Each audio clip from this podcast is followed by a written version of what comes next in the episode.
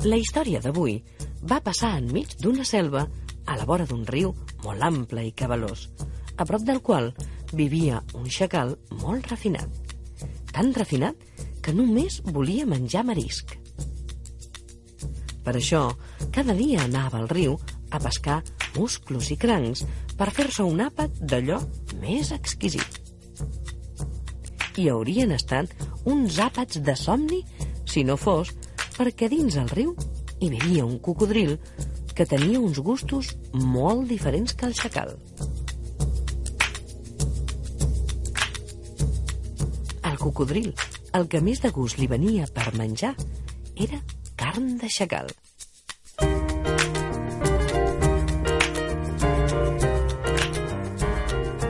Així que aquesta és la història de... El xacal i el cocodril. Perquè no l'enxampés el cocodril, el xacal sempre vigilava molt abans d'entrar al riu a pescar. Però un dia, que anava molt despistat, va ficar la pota al riu sense mirar abans i... Nya! Va notar que el vell cocodril l'havia atrapat clavant-li queixalada a una pota. El xacal va pensar... Ai, pobre de mi, el cocodril m'ha ben agafat i ara m'estirarà cap al fons del riu i se'm menjarà. Com ho faré perquè no se'm mengi? I pensant, pensant, es va posar a riure ben fort. el cocodril no sabia pas què pensar, fins que va sentir que el xacal deia «Pobre cocodril, és ben curt de vista. Es pensa que m'ha agafat la pota i ha queixalat una arrel gruixuda. Quin mal de panxa que agafarà si se la menja. en sentir això, el cocodril va pensar m'he equivocat. I va deixar anar la pota del xacal. El xacal, que no cabia la pell d'alegria, encara va tenir ganes de riure's del cocodril i li va dir «Oh, senyor cocodril, gràcies per deixar-me escapar. Ja m'han passat les ganes de menjar marisc. Em sembla que avui, per dinar, prendré figues silvestres i se'n va anar rient i saltant. El cocodril es va enfadar tant que va jurar-se que es menjaria el xacal costés el que costés.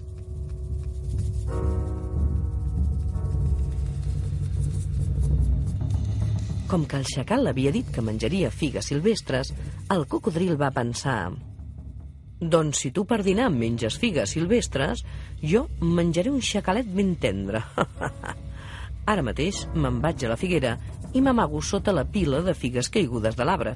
Així, quan arribi el xacal, me'l cruspiré.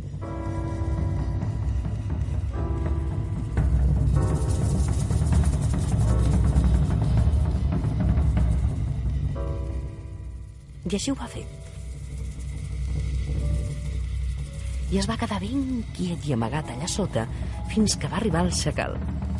Però quan el xacal va veure la pila de figues remoguda, va pensar...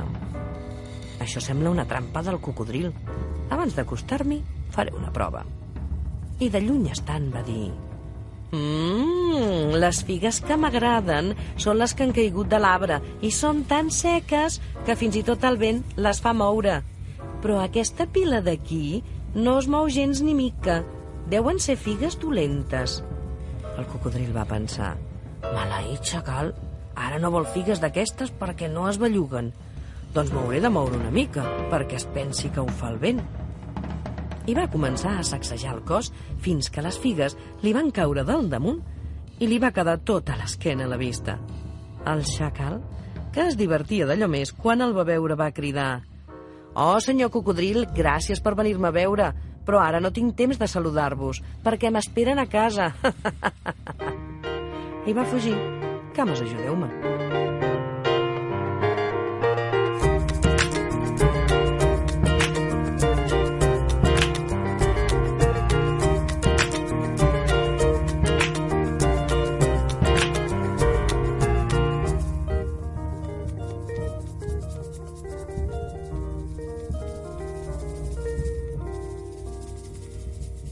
Però quan el xacal va arribar a casa seva, i va veure alguna cosa estranya. La porta era ben oberta i ell l'havia deixat tancada. Així que s'hi va acostar i va dir «Què passa, caseta meva, que no em diu res?» «Que és estrany. Cada dia quan arribo em saludes i avui no em dius res». El cocodril, que s'havia amagat dins la casa del xacal, va pensar «Si no contesto, no entrarà». I per no perdre la seva presa i quedar-se sense dinar, va intentar fer una veueta i li va dir «Hola, xacalet, com estàs?» En sentir la veu del cocodril, el xacal va pensar «Si no l'escarmento, no em deixarà mai tranquil».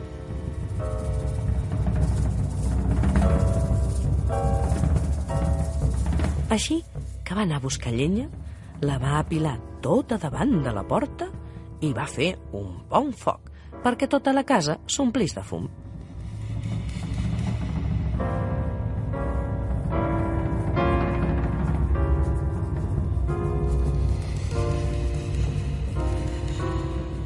Al cap d'un moment, el cocodril va sortir arrossegant-se de dins la casa. Estava tan fumat i tan marejat que no tenia ni esma de parlar. I així va ser com al cocodril li van passar les ganes de menjar xacal per una temporada tan llarga, tan llarga, que encara ara deu durar.